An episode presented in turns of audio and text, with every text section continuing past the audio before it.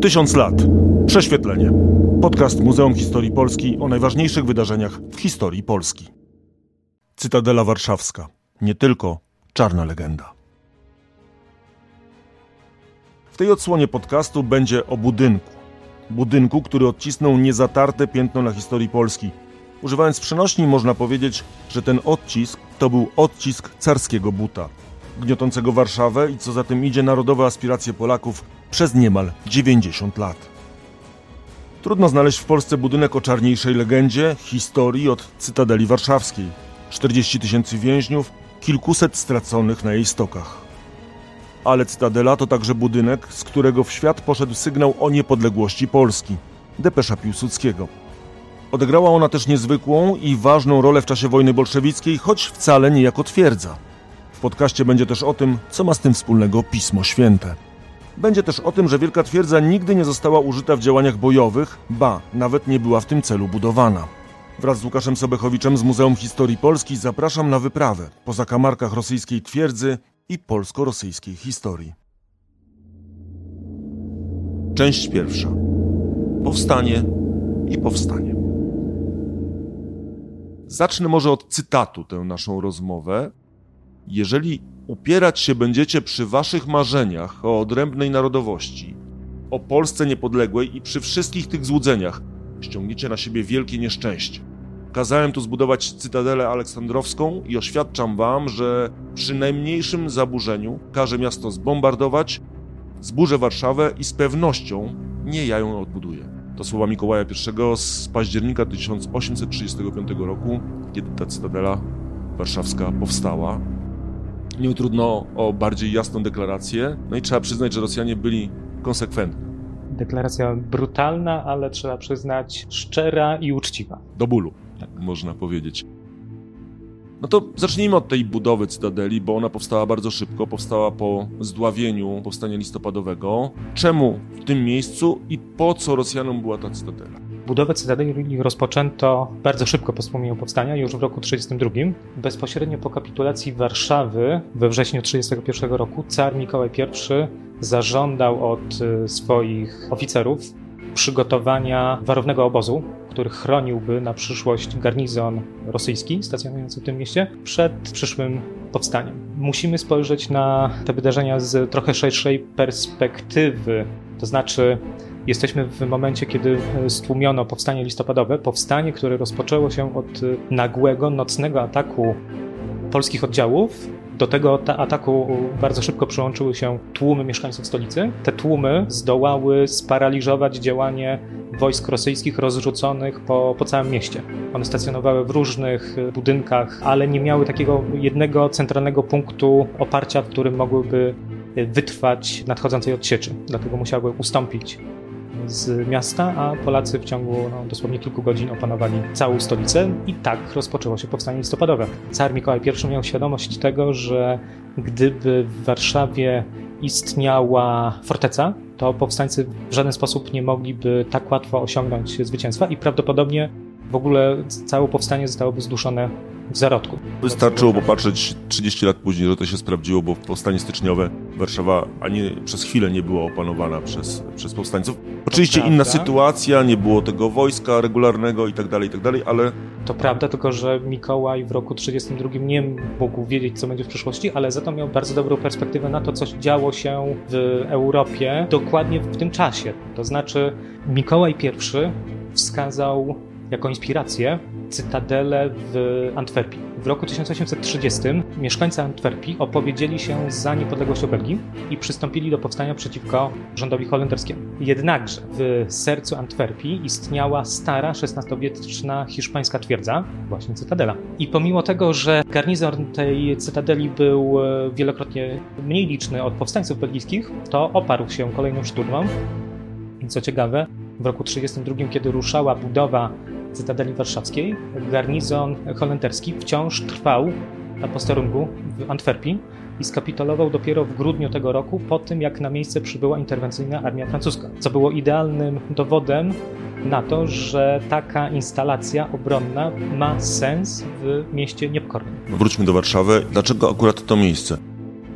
tym miejscu już istniała instalacja o przeznaczeniu wojskowym. To były budynki należące w XVIII wieku do koszar Gwardii Koronnej. W Królestwie Kongresowym przed powstaniem listopadowym ten kompleks nazwano koszarami aleksandrowskimi na cześć cara wyzwoliciela Aleksandra I. I to była największa instalacja militarna na terenie miasta Warszawy.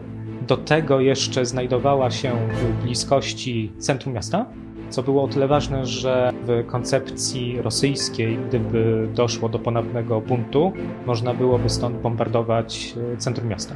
Do tego miejsce to znajdowało się nad Wisłą, czyli miało jeden bok dobrze chroniony, Wisła była świetnym ciągiem komunikacyjnym i można było łatwo nawiązać połączenia przykład z największej fortecy w Królestwie Polskim, Polskim z twierdzy w Monlinie, jak również był to teren, który górował nad miastem. Niezwykle szybko ta budowa postępowała. Tak naprawdę to można powiedzieć o ekspresie. Półtora roku po rozpoczęciu budowy na teren Cytadeli przybył osobiście car Mikołaj I i był pod wielkim wrażeniem postępu prac. Kamień węgielny wmurowano w maju roku 1932. Przy pracach ziemnych zatrudniano dziennie ponad 2000 ludzi. Była gigantyczna inwestycja, choćby z tego względu, że trzeba było cały teren podnieść, żeby rzeczywiście górował nad, nad miastem. To była wielka, wielka praca inżynieryjna, ale również logistyczna. Rosjanie nie szczędzili środków. Zresztą nie własnych tak naprawdę, tylko warszawskich. To prawda. W pierwotnym planie e, zakładano, że to miasto Warszawa sfinansuje cały koszt budowy tej cytadeli, ale to szybko okazało się niewykonalne, więc sięgnięto po rezerwy finansowe Banku Polskiego. Łącznie w roku 1936, kiedy oficjalnie budowa głównej części cytadeli się zakończyła, Wydatki te podsumowano i miały one sięgnąć ponad 11 milionów złotych. W przeliczeniu jest to około 2 ton czystego złota. Przed wybuchem powstania listopadowego budżet wojskowy królestwa wynosił 30 milionów złotych. Cały budżet, wszystkie wydatki budżetowe Królestwa Polskiego zamykały się w okolicach około 60 milionów złotych. Co jednak ciekawe i warte podkreślenia, to fakt, że 5 milionów złotych przeznaczono na materiały budowlane i opłacenie robotników, a kolejne 5 milionów złotych przeznaczono na rekompensaty za wywłaszczane nieruchomości. Wiemy już, ile kosztowała twierdza, wiemy, jak szybko została zbudowana. A powiedzmy coś o samej twierdzy obrębie e, murów cytadeli znalazł się teren o powierzchni 35 hektarów. Żeby postawić cytadelę, Rosjanie musieli zlikwidować istniejącą już wtedy zabudowę. To był fragment tzw. Tak dzielnicy północnej, jednej z najbardziej prestiżowych w mieście. Na potrzeby postawienia cytadeli skonfiskowano, ale bez odszkodowania, gmachy należące do pijarów. W tym miejscu funkcjonowało słynne Kolegium Nobilium obszar zamknięty morami to jest 35 hektarów, ale do tego należy doliczyć 65 hektarów terenów wokół cytadeli, tak zwanej esplanady. Esplanada to jest teren, na którym zniesiono zabudowę, żeby stworzyć pole ostrzału pomiędzy miastem a cytadelą. Ale to nie był koniec. To było założenie z połowy lat 30. W miarę jak zmieniała się technika wojskowa, Sama cytadela szybko okazała się być instalacją przestarzałą. Trzeba było budować kolejne forty, które by wzmacniały potencjał obronny tego miejsca.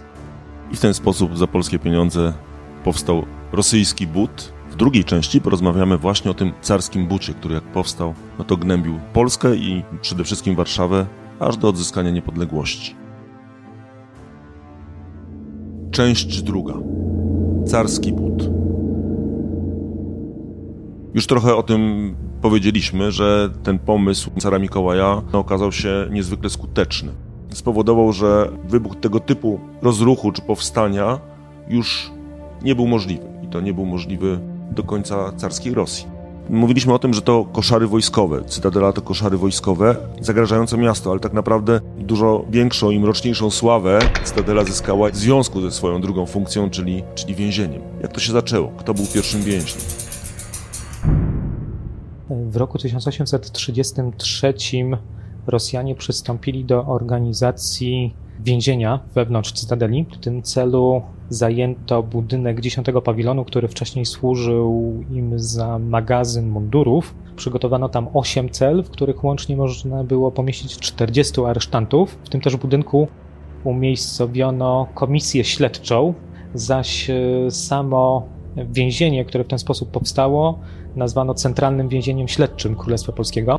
Rok 33 jest przełomowy w historii ruchów, ruchu niepodległościowego w Polsce z tego względu, że wcześniej Rosjanie byli przekonani, że wraz ze zdławieniem powstania listopadowego i z emigracją elit powstańczych sprawa jest y, zamknięta. To znaczy, oczywiście trzeba pilnować miasta przed ewentualnymi rozruchami, żeby sytuacja taka się nie powtórzyła, ale uznawano, że udało się uciąć głowę temu polskiemu potworowi. I się okazało, że to jednak hydra. Tak, w roku 1933 na teren Królestwa Polskiego zaczęły przenikać e, oddziały partyzanckie formowane przez bohatera powstania listopadowego, pułkownika Józefa Zalickiego. Chciał wywołać wojnę totalną społeczeństwa polskiego przeciwko Rosjanom.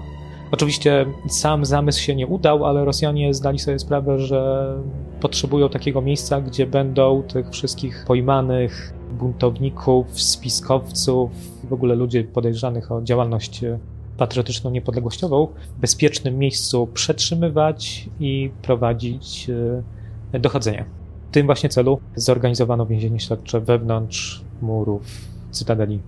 Samo więzienie w gmachu 10 pawilonu było kilkukrotnie przebudowywane, tak żeby zwiększyć jego, jego pojemność. Tym niemniej, to należy wyraźnie podkreślić, w samym dziesiątym pawilonie w jednym momencie mogło się zmieścić maksymalnie 200 osób. Co nie znaczy, że na terenie Cytadeli nie było innych miejsc e, przetrzymywania osób. Mimo wszystko to nie jest bardzo duże więzienie, ale jeżeli popatrzymy sobie na te lata, to przez Cytadelę przewinęło się używam takiego kolokwialnego trochę słowa, około 40 tysięcy aresztantów. Około, chociaż nie mamy dokładnych informacji, ta liczba jest jedynie szacunkowa. Dziesiąty pawilon był miejscem symbolicznym, również z tego względu, że osoby, które były pojmane w innych miejscach kraju, ale okazały się być związane z ruchem niepodległościowym, bardzo często trafiały właśnie do dziesiątego pawilonu przed oblicze wspomnianej przed chwilą komisji śledczej. I wielu z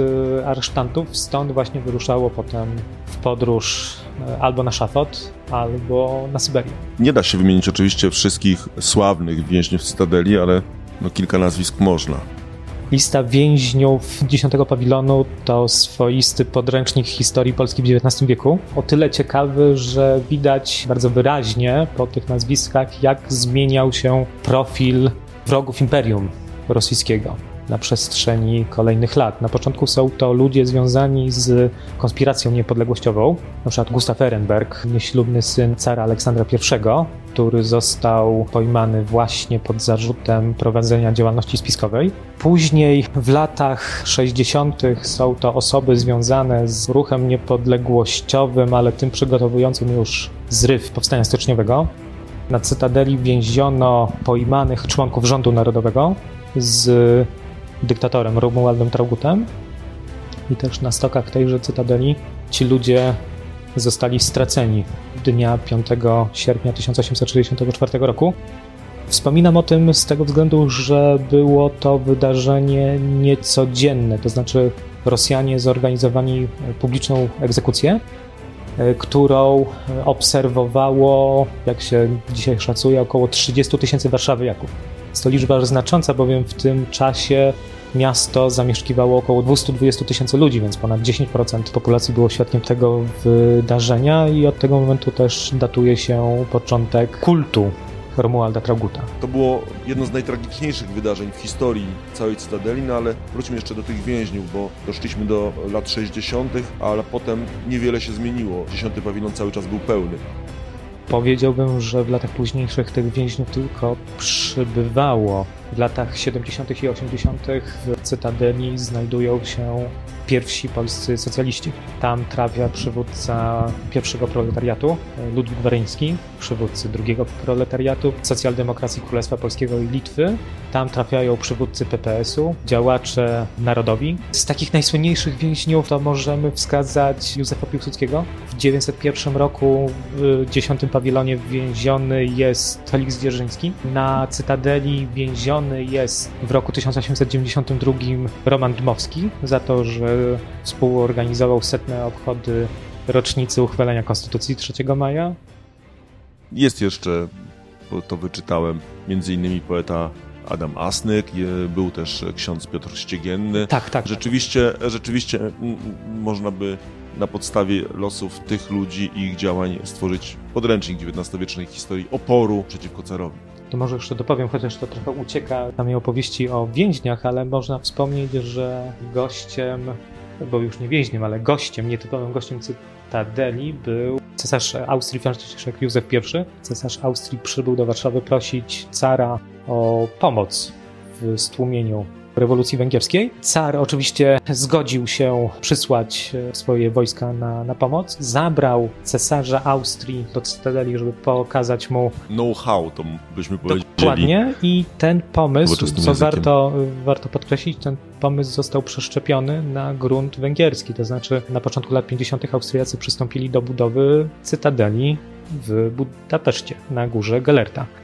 E, Sama cytadela była trochę mniejsza od założenia warszawskiego, ale spełniała dokładnie tą samą rolę, to znaczy miała kontrolować miasto niepokorne, Wróćmy znów do Warszawy i do Cytadeli. Tę część zakończymy najtragiczniejszą kartą tej twierdzy. Już powiedzieliśmy o Romanie Traugucie, straconym na stokach Cytadeli, ale tych egzekucji było przez te 80 lat znacznie więcej. Szacuje się, że na stokach Cytadeli stracono około 500 osób, ale znów e, brakuje dokładnych e, danych do weryfikacji. Najwięcej osób stracono już w ostatnim okresie funkcjonowania garnizonu rosyjskiego. Szacuje się, że w okresie rewolucji 1905 roku wykonano wyroki śmierci na 250 rewolucjonistach. Ta sama prawidłowość odnosi się do liczby aresztantów, osób uwięzionych w Cytadeli, to znaczy większość z nich to są ludzie związani z działalnością rewolucyjną na początku XX wieku. Można również wspomnieć o roku 1900, kiedy to urządzono w Warszawie pierwsze w historii obchody robotnicze 1 maja. Wtedy to carskie wojsko pojmało łącznie 3000 demonstrantów, którzy zostali przewiezieni na Cytadelę. Napis z jednej z cel 10 pawilonu. Miły bracie, próżna praca. Kto tu zaszedł, nie powraca.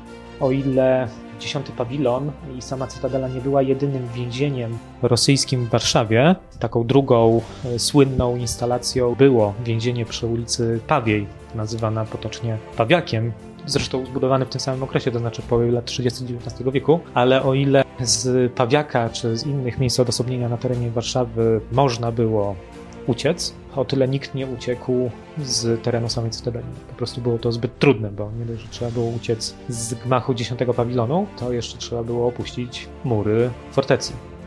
Fortecy, którą zasiedlało wojsko I to bardzo liczny garnizon, znaczy pierwotnie w latach 30. zakładano, że na terenie Cytadeli będzie stacjonować 5000 żołnierzy, ale potem w miarę lat ta liczba tylko wzrastała. W okresie powstania styczniowego garnizon Cytadeli sięgnął 20 tysięcy ludzi, a potem otrzymywał się w granicach kilkunastu tysięcy żołnierzy, więc to było miejsce bardzo, bardzo tłoczne, bardzo gwarne.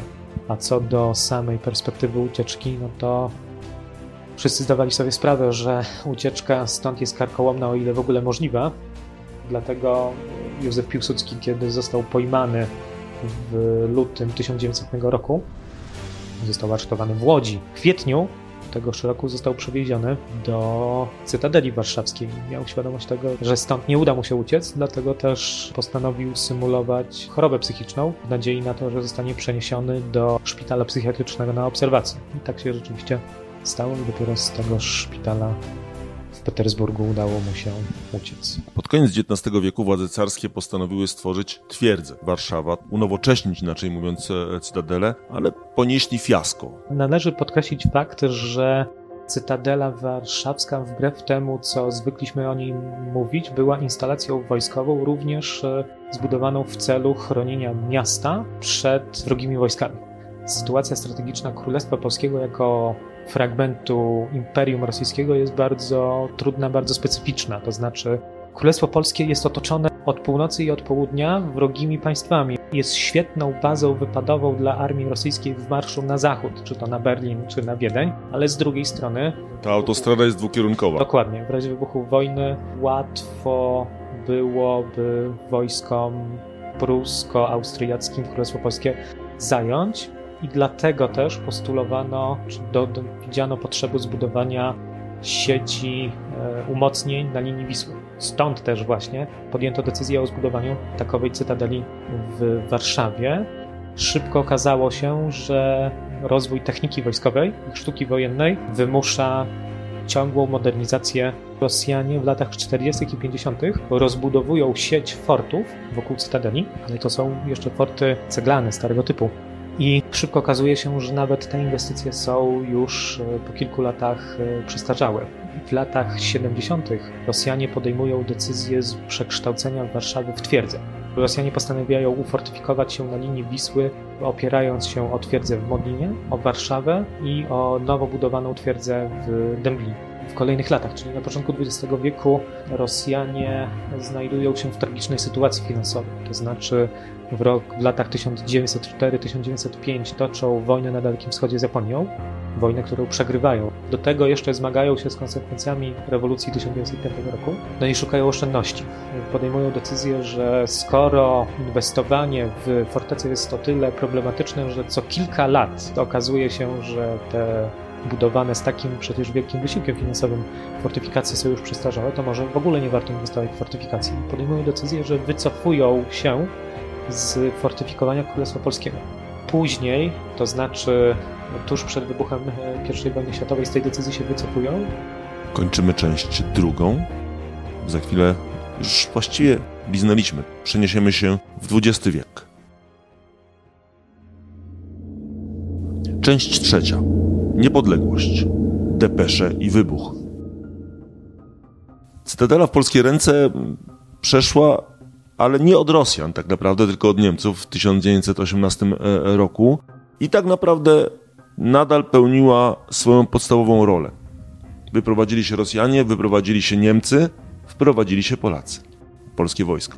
Polacy przejęli cytadelę z rąk e, garnizonu niemieckiego, ale nie od razu. To znaczy 11 listopada ma miejsce rozbrajanie patroli niemieckich na ulicach Warszawy. Niemcy zdają broń, przekazują kontrolę nad miastem wojsku polskiemu, ale z samej cytadeli nie ustępują od razu. Niemiecka Rada Żołnierska podpisała porozumienie, na mocy którego zastrzegła sobie jeszcze 7 dni na przekazanie cytadeli w polskie ręce. Rada Żołnierska chciała sobie zagwarantować możliwość bezpiecznej ewakuacji. Niemal od razu ta cytadela staje się miejscem symbolicznym, bo właśnie stąd, korzystając z pewnie najmocniejszego nadajnika, idzie ta depesza informująca o tym, że powstaje państwo polskie. Już latem 1915 roku, czyli w chwili, kiedy wojska niemieckie wkroczyły do Warszawy, Niemcy instalują na terenie Cytadeli Warszawskiej radiostację typu telegraficznego, czyli nadającą komunikaty alfabetem Morsa. Ona została zbudowana w Warszawie w tym celu, by nawiązywać łączność z kwaterą naczelnego wodza armii niemieckiej, która w tym momencie znajdowała się w Lierz w Belgii, ponad 1500 km dalej na zachód radiostacja warszawska służyła do łączenia się z radiostacjami polowymi na całym froncie wschodnim. Tu odnośnie samej depesz, o ile mówimy o tym, że cały świat już słyszał o tym, że państwo polskie odrodziło się, to w rzeczywistości ta droga była trochę bardziej skomplikowana. To znaczy, radiostacja warszawska nawiązała kontakt z radiostacją szwedzką Karlsborgu, przekazała treść tego komunikatu najprawdopodobniej w języku francuskim i dopiero radiostacja szwedzka przetransmitowała tę wiadomość dalej. Zrobiła to skutecznie, bo już następnego dnia wszystkie e, rządy stron wojujących i neutralnych e, wiedziały już o tym, e, że państwo polskie się odradza i tę informację również przedrukowywały gazety. Nawiasem mówiąc, e, nikt nie odpowiedział oficjalnie wtedy, nie uznał tego państwa polskiego w związku z tą depeszą. Ta radiostacja odegrała jeszcze raz bardzo ważną rolę w e, okresie międzywojennym, właściwie nazywamy go międzywojennym, ale tak naprawdę w czasie wojny, bo wojny bolszewickiej w 1920 roku. Jaka to była rola? Tak jak wspominaliśmy, radiostacja pełniła pierwszorzędną rolę w wysiłku wojennym Cesarstwa Niemieckiego na wschodzie, Niemcy, kiedy się wycofywali z Cytadeli, samej radiostacji nie zniszczyli, ale nie zostawili dokumentacji technicznej. Zakładali, że jest to zbyt nowoczesne urządzenie i że Polacy nie będą potrafili go uruchomić. Tym niemniej już w listopadzie organizuje się w Cytadeli oddział radiotelegrafistów, techników, specjalistów rzeczywiście wtedy na miejscu brakuje. Co ciekawe, nabór do tej jednostki prowadzi się poprzez ogłoszenia w prasie warszawskiej i ogólnopolskiej. No poszukujemy radiotelegrafistów i takowi ludzie rzeczywiście się znaleźli i uruchomili ten nadajnik. Ten nadajnik został wtedy nazwany Centralną Stacją Radiotelegraficzną WAR i funkcjonował przez cały okres wojny polsko-bolszewickiej. Latem 20 roku, kiedy do Warszawy zbliżały się oddziały frontu zachodniego, ta radiostacja odegrała jakby dodatkową rolę, bo wcześniej służyła do komunikowania się z oddziałami Wojska Polskiego i do przekazywania im kolejnych rozkazów ale w sierpniu 20 roku posłużyła do celów dywersyjnych. Tutaj musimy mieć świadomość tego, że armia sowiecka również dysponowała radiostacjami polowymi. Za pomocą tychże radiostacji przekazywała rozkazy z naczelnego dowództwa. W połowie sierpnia sytuacja wyglądała w ten sposób, że sztab dowódcy frontu zachodniego generała Michaiła Tuchaczewskiego znajdował się w Łomży. 15 armia Siergiejewa znajdowała się w Ciechanowie, a korpus konny Gaja w Sierpcu momencie, kiedy rozpoczynała się kontrofensywa polska z nad Wieprza, radiostacja zaczęła nadawać non-stop komunikaty morsem po to, żeby zagłuszyć i uniemożliwić komunikację tych radiostacji polowych. To było 36 godzin czytania Nowego Testamentu. Y, dokładnie. Być może rekord świata. No po prostu trzeba było znaleźć na odpowiednio długi tekst, żeby te zmieniające się przy nadajniku telegrafiści mieli co stukiwać. W praktyce wyglądało to tak, że sowieccy radiotelegrafiści, którzy prowadzili nas, nasłuch, odbierali cały czas zadawanym borsem wersety Pisma Świętego, a w momencie, kiedy któraś z radiostacji sowieckich się odzwała, no to odbierali bezsensowny bełkot kropek i kresek, więc w praktyce przez te 36 godzin te wszystkie pododdziały rozproszone na północ od Warszawy no nie wiedziały, co się dzieje. To też jest zupełnie inna historia, ta wojna e, bolszewicka. My jesteśmy w Cytadeli i w tej Cytadeli w 23 roku, 13 października miało bez wątpienia, bez żadnego wątpienia najgłośniejsze wydarzenie w historii tego budynku.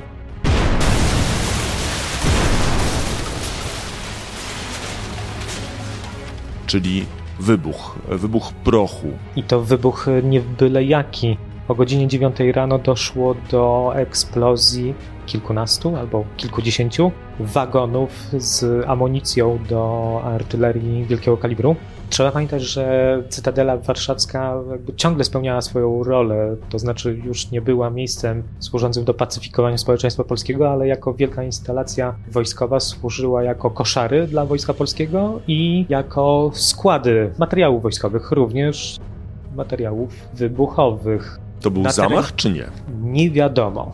To znaczy, opinia publiczna, politycy, jak i niezawisły sąd orzekły, że tak. I nawet wskazano inspiratorów i winowajców. Inspiratorami była Polska Partia Komunistyczna, a wykonawcami byli członkowie tejże partii. Jednocześnie wojskowi, porucznik i podporucznik. Tak, chociaż sprawa była bardziej nieoczywista, bo skazano na karę śmierci oficerów Wojska Polskiego, a jednocześnie członków KPP, poruczników Walerego Bagińskiego i Antoniego Wieczorkiewicza. Tym niemniej ci dwaj panowie nie mogli dokonać tego zamachu, bowiem byli już w więzieniu od kilku miesięcy. Więc było oczywiste, że to ktoś inny musiał doprowadzić do, do tego zamachu, ale wskazywano, że ci dwaj panowie musieli być e, zaangażowani w planowanie tegoż wydarzenia. Skutki wybuchu dało się odczuć nawet w Rembertowie, Otwocku czy Piasecznie, czyli pod Warszawą. Już nie mówię o samej, samej Warszawie. Tak potężny był to wybuch. Stała nam jeszcze druga wojna światowa, w czasie której e, wprowadzili się Niemcy do Cytadeli. Powstańcy zaatakowali w czasie Powstania Warszawskiego Cytadelę, no ale zostali odparci. To chyba jedyny szturm w historii Cytadeli. Tak, szturm bezpośredni, kiedy to Cytadela pełniła funkcje militarne. No ale rzeczywiście, no nie ma się czemu, e, czemu dziwić bez posiadania ciężkiego sprzętu artylerii czy lotnictwa. Trudno było mówić o zniszczeniu grubych murów, chociaż XIX-wiecznych, i pokonaniu załogi Cytadeli. Bardzo silnej załogi Cytadeli. Po wojnie no po wojnie to nadal oczywiście były to koszary przez długi czas, natomiast e, przede wszystkim stała się Cytadela muzeum. Tak, to jest rok 1963. Mamy wtedy zakrojone na szeroką skalę obchody setnej rocznicy wybuchu powstania styczniowego. Wtedy między innymi podjęto decyzję, że dziesiąty pawilon należy przystosować na potrzeby placówki muzealnej, to znaczy zważywszy na bardzo symboliczny charakter tego miejsca, Odtworzono owe cele więzienne i ta placówka funkcjonuje w tym miejscu do dzisiaj. Cytadela też przez dziesięciolecia była miejscem symbolicznym i to symbolicznym dla wszelkich możliwych ruchów. Cytadela jest o tyle charakterystyczna, że dzięki temu, że przez jej mury przewinęli się ludzie z bardzo różnych opcji politycznych, ze wszystkich opcji politycznych, no to w każdym okresie znajdowali się tacy, którzy czcili pamięć tam poległych. To znaczy najpierw czczono pamięć konspiratorów lat 40. i 50., potem czczono pamięć Romualda Trauguta i bohaterów Powstania Styczniowego, a potem wchodzi cała wielka sztafeta socjalistów i narodowców więzionych tam na przełomie XIX i XX wieku. W dwudziestoleciu międzywojennym podkreśla się bardzo mocno tę spuściznę związaną z powstańcami styczniowymi. Do tradycji powstania styczniowego wprost odnosi się, od czy odwołuje się e, marszałek Józef Piłsudski, jak również podkreśla się bohaterów rewolucji 1905 roku. Po II wojnie światowej komuniści również odnajdują tam swoich protoplastów, mniej lub bardziej prawdziwych i odwołują się właśnie do tych przedstawicieli pierwszego i drugiego proletariatu. Również odwołują się do osób, które zginęły w trakcie rewolucji 1905 roku. Jak również bardzo mocno wyzyskują epizod wybuchu na Cytadeli. Co ciekawsze, tak naprawdę to już niedługo będzie największe centrum muzealne w Polsce, bo powstają dwa wielkie muzea Powstaje nasze. założenie, które nazywa się Cytadelą Muzeów. Jest to miejsce, w którym znajdzie swoją siedzibę Muzeum Historii Polski, Muzeum Wojska Polskiego i już teraz funkcjonują tam dwie inne placówki. To jest właśnie wspomniane przed chwilą Muzeum X Pawilonu i Muzeum Katyńskie. To jest melodia tak naprawdę najbliższych lat i mam nadzieję, że, że już nie będzie nam się kojarzyło to z carskim butem, nie będzie nam się to kojarzyło z wybuchami, e, a będzie to się nam kojarzyło właśnie z historią, z całą historią naszego narodu, militarną i nie tylko. I to wszystko w dzisiejszym podcaście. Po meandrach Cytadeli oprowadzał nas e, Łukasz Sobechowicz z Muzeum Historii Polski. Dziękuję bardzo. A ja zapraszam na kolejne odcinki podcastu, które już niedługo. Łukasz Starowiejski.